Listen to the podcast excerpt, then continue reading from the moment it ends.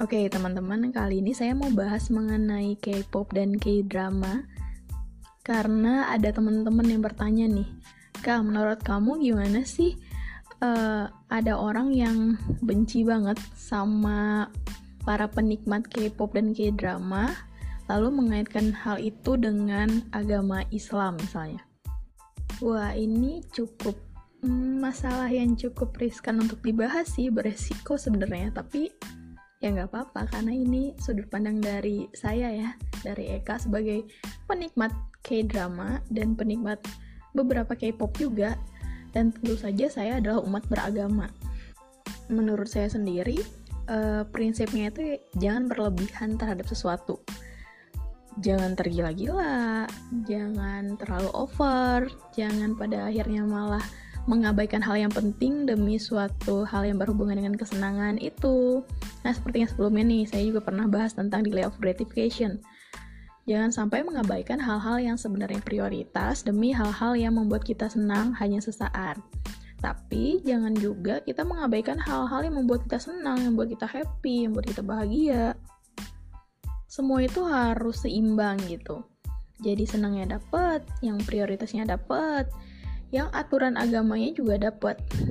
Kalau menurut saya pribadi, nggak apa-apa sih suka dengan K-drama atau K-pop, karena ya itu untuk kesenangan, asal tahu batasnya. Jadi kalau misalnya kita lagi stres, kita lagi suntuk banget, kita misalnya lagi dalam masalah yang berat, apa salahnya kita mencari hiburan dari drama-drama yang mungkin melalui drama K-pop itu, eh drama K-pop, drama Korea itu kita bisa mengambil suatu nilai-nilai tertentu. Soalnya di drama itu banyak loh sebenarnya nilai-nilai kehidupan yang bisa diambil kalau misalnya kita nonton benar-benar melihat inti dari ceritanya. Jadi kan kebanyakan orang-orang di luar yang tidak pernah menonton uh, K-drama itu menganggap bahwa para wanita nih yang nonton K-drama itu ya karena visual gitu, karena ganteng, cakep, cantik dan lain sebagainya bisa jadi itu salah satu motifnya juga tapi kalau misalnya saya lihat sih jalan cerita juga menjadi faktor yang sangat besar gitu untuk menentukan seseorang uh, tertarik atau tidak dengan sebuah drama. Begitu pula dengan K-pop. K-pop dengan berbagai macam musiknya. Nah, itu mungkin bisa menjadi suatu hiburan, entah musiknya yang dengan hentakan yang keras atau yang lembut dan lain sebagainya entah dengan berbagai macam dance-nya. Nah itu mungkin bisa menjadi suatu hiburan bagi orang-orang tertentu yang memang suka aktivitas yang bergerak gitu. Tapi tentu semua itu ada batasnya. Jadi kalau misalnya apa pun lah nggak perlu K-drama dan K-pop apa pun yang kita lakukan kalau berlebihan itu tidak baik gitu. Misalnya nih ada juga yang suka film-film Hollywood misalnya ada juga sih yang suka misalnya apa ya berita misalnya kalau misalnya terlalu too much nonton hal-hal yang kayak gitu kan jadinya pusing sendiri misalnya kalau misalnya orang yang sangat-sangat suka nonton berita dan tiap hari itu sangat percaya banget dengan berita yang ada di TV tuh tanpa ngefilter dan lain sebagainya itu kan nanti dia jadinya pikirannya buruk terus atau pikirannya itu udah sangat terarah dengan apa yang sebenarnya media inginkan atau yang media pertontonkan gitu. Nah, tapi kan yang jadi permasalahannya sekarang kan membawa unsur-unsur agama nih. Nah, sebelum saya bahas lebih lanjut nih terkait hal ini karena cukup sensitif, sekali lagi ini adalah pendapat pribadi saya. Jadi kalau misalnya teman-teman setuju, ya nggak apa-apa. Dan kalau misalnya teman-teman nggak setuju juga nggak apa-apa gitu. Karena ini um, terbuka untuk pendapat apa pun bisa jadi nih kalau misalnya melihat ke arah agama jadi mungkin um, teman-teman yang melihat dari sisi agama merasa teman-teman pecinta K-drama dan K-pop itu sangat berlebihan dalam mencintai idolnya misalnya. Mungkin hingga melalaikan tugas-tugas pokok misalnya sholatnya jadi keteteran atau tidak mengaji atau dan lain sebagainya mungkin yang menurut teman-teman dari sisi agama itu le lebih prioritas didahulukan daripada menonton K-drama atau mengikuti K-pop. dan mungkin juga kefanatikan K-pop itu kadang ya ada yang fanatik juga yang pada akhirnya malah membuat perselisihan antar apa ya namanya itu fandom ya pokoknya uh, saya juga kurang tahu. Oke pokoknya intinya ada yang ngefans di grup A grup B. Padahal masing-masing grupnya itu nggak bermasalah tapi malah fansnya yang bermasalah. Pada akhirnya mengakibatkan pertikaian. Mungkin juga ini kali ya karena melihat K-pop itu sangat mengutamakan visual. Jadi mungkin itu kalau misalnya dilihat dari sisi agamanya mungkin banyak pakaian-pakaian yang tidak tertutup mungkin. Atau juga banyak wanita-wanita yang jadi mengidolakan laki-laki K-pop tapi mengidolakannya mungkin berlebihan. Ya gitulah. Nah, kalau misalnya alasannya kayak gitu, menurut saya sih oke-oke aja dalam mengingatkan gitu, karena mungkin sudah berlebihan dan hal yang berlebihan itu tidak baik kan. Namun yang harus diperhatikan adalah cara dalam mengingatkannya itu seperti apa. Soalnya para fans-fans itu baik K-drama dan K-pop itu orang dari berbagai latar belakang usia dari zaman SMP sampai ibu-ibu sampai nenek-nenek mungkin menonton K-drama gitu. Jadi nggak bisa namanya menyamaratakan cara mengingatkan setiap orang. Dan perlu digarisbawahi juga, setiap orang itu nggak semuanya berlebihan dalam mencintai K-drama dan K-pop itu.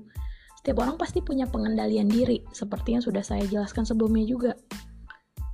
Nah, mungkin lebih dispesifikkan nih maksudnya mengingatkan ke usia yang berapa gitu soalnya ketika kita mengingatkan dengan cara mungkin yang kurang baik seperti menggurui atau seperti langsung ngejudge gitu itu kan kalimat yang sering saya dengar dari fans-fans yang jadi sebel gitu kalau misalnya diingatkan dari sisi agama karena caranya mungkin kurang tepat. Misalnya nih anak-anak remaja yang tergila-gila dengan K-pop misalnya. Sampai mereka mengoleksi nih terus majang foto si biasnya nih di mana-mana. Nah coba lihat lagi. Mereka berada dalam posisi transisi remaja. Maksudnya usia perkembangan mereka itu sangat mempengaruhi gimana dorongan mereka dalam bertindak, gimana pencarian mereka, gimana sensasi apa yang mereka rasakan ketika um, apa ya ketika menjadi seorang fans dari idola-idolanya gimana histerisnya dia ketika melihat idolanya ada di TV atau ada di melakukan konser di Indonesia atau gimana gitu. Kenapa bisa mereka jadi seperti itu? Karena kalau misalnya kita lihat secara teori, baik secara psikologis maupun secara neurologisnya, masa remaja itu masa-masa di mana mereka sedang mencari sensasi. Masa-masa di mana mereka sedang mencoba-coba gitu. Jadi emang namanya fanatik ngegeng atau tergila-gila itu emang udah jadi apa ya common problem di usianya karena apa? Karena secara neurologisnya itu bagian di saraf-sarafnya itu belum berfungsi secara sempurna. Jadi korteksnya itu yang untuk mengatur pengendalian diri tuh yang ada di kepala, pokoknya yang berkaitan dengan saraf-sarafnya itu belum matang secara sempurna. Makanya mereka kadang butuh arahan dari orang yang lebih dewasa untuk mengendalikan diri. Jadi bukan membiarkan mereka tergila-gila seperti itu, tapi kita ngasih arahan. Mereka tergila-gila karena emang masanya mereka tergila-gila. Gitu. proses transisi yang mereka alami secara biologis, secara emosional, secara psikologis. Nah, itu yang membentuk mereka pada masa remaja itu. Seiring berjalannya waktu dan tentu saja arahan dari orang-orang dewasa yang sudah mengerti batas-batasnya, pasti mereka akan dapat mengendalikan diri dan akan dapat memilih oh ini hal yang wajar dan ini hal yang tidak wajar dilakukan. Sama aja kayak kita nih, kayak dulu zaman SMP pasti ngerasa oh my god ini zaman kita alay-alaynya gitu kayak kalau emosi dikit update status di Facebook misalnya atau update di IG lah terus juga kalau misalnya fanatik nih pada satu tokoh jadi kayak pengen nge-storyin dia terus. Atau mencari tahu lebih dalam nih tentang satu tokoh terus kayak semua orang tuh harus tahu kalau saya tuh fans banget nih sama ini ini ini gitu. Sampai ada gengnya kayak gitu. Nah tapi seiring berjalannya waktu udah dewasa udah mulai nggak usia remaja lagi kita mulai menyadari oh, oh alah itu hal-hal yang mungkin dalam tanda kutip memalukan bagi kita karena kita pernah di masa seperti itu tapi nggak apa-apa karena itu emang udah masanya dan kita nggak akan selamanya seperti itu kalau misalnya kita uh, diarahkan atau kita punya pengendalian diri yang baik nanti seiring berjalannya usia kita dan seiring juga kematangan dari fungsi-fungsi uh, bagian saraf yang mengatur tentang pengendalian diri itu. Nah, itulah yang beda lagi kan kalau misalnya bicara atau memberikan nasihat kepada orang dewasa yang menyukai K-pop atau K-drama gitu. Mungkin kita lihat lagi mereka mereka menyukai itu hanya sebuah kesenangan atau mereka sudah berlebihan? Kan beda tuh penyampaian pendapatnya. Penyampaian nasihatnya juga berbeda. Nah mungkin ini kali yang menjadi miskomunikasi antara orang yang uh, melihat K-pop dan K-drama dari sudut agama dan juga para fans K-drama dan K-pop sebenarnya kalau saya sih simple jangan sampai kita memberikan apa ya arahan, nasihat atau kita memberikan masukan dengan cara menyakiti orang lain gitu. Walaupun sebenarnya apa yang kita katakan mungkin benar, tapi coba dulu dengarkan pendapat orang lain sebelum kita menyimpulkan bahwa orang tersebut seperti A, B, C atau D. Dan kalau saya pribadi sih, saya sudah paling anti tuh kalau misalnya dengan orang-orang yang langsung melabeli seseorang akibat apa yang dilakukan atau yang dia rasa orang lain lakukan. Misalnya, mohon maaf bagi yang kurang setuju, kalau misalnya uh, yang suka K-drama atau K-pop misalnya dibilang kafir lah, atau dibilang apa ya, nanti penghuni neraka, dibilang gangguan jiwa mungkin ya. Pokoknya label-label yang seharusnya tidak digunakan gitu. Kalau misalnya ingin benar-benar menasehati atau ingin melakukan perubahan terhadap orang lain.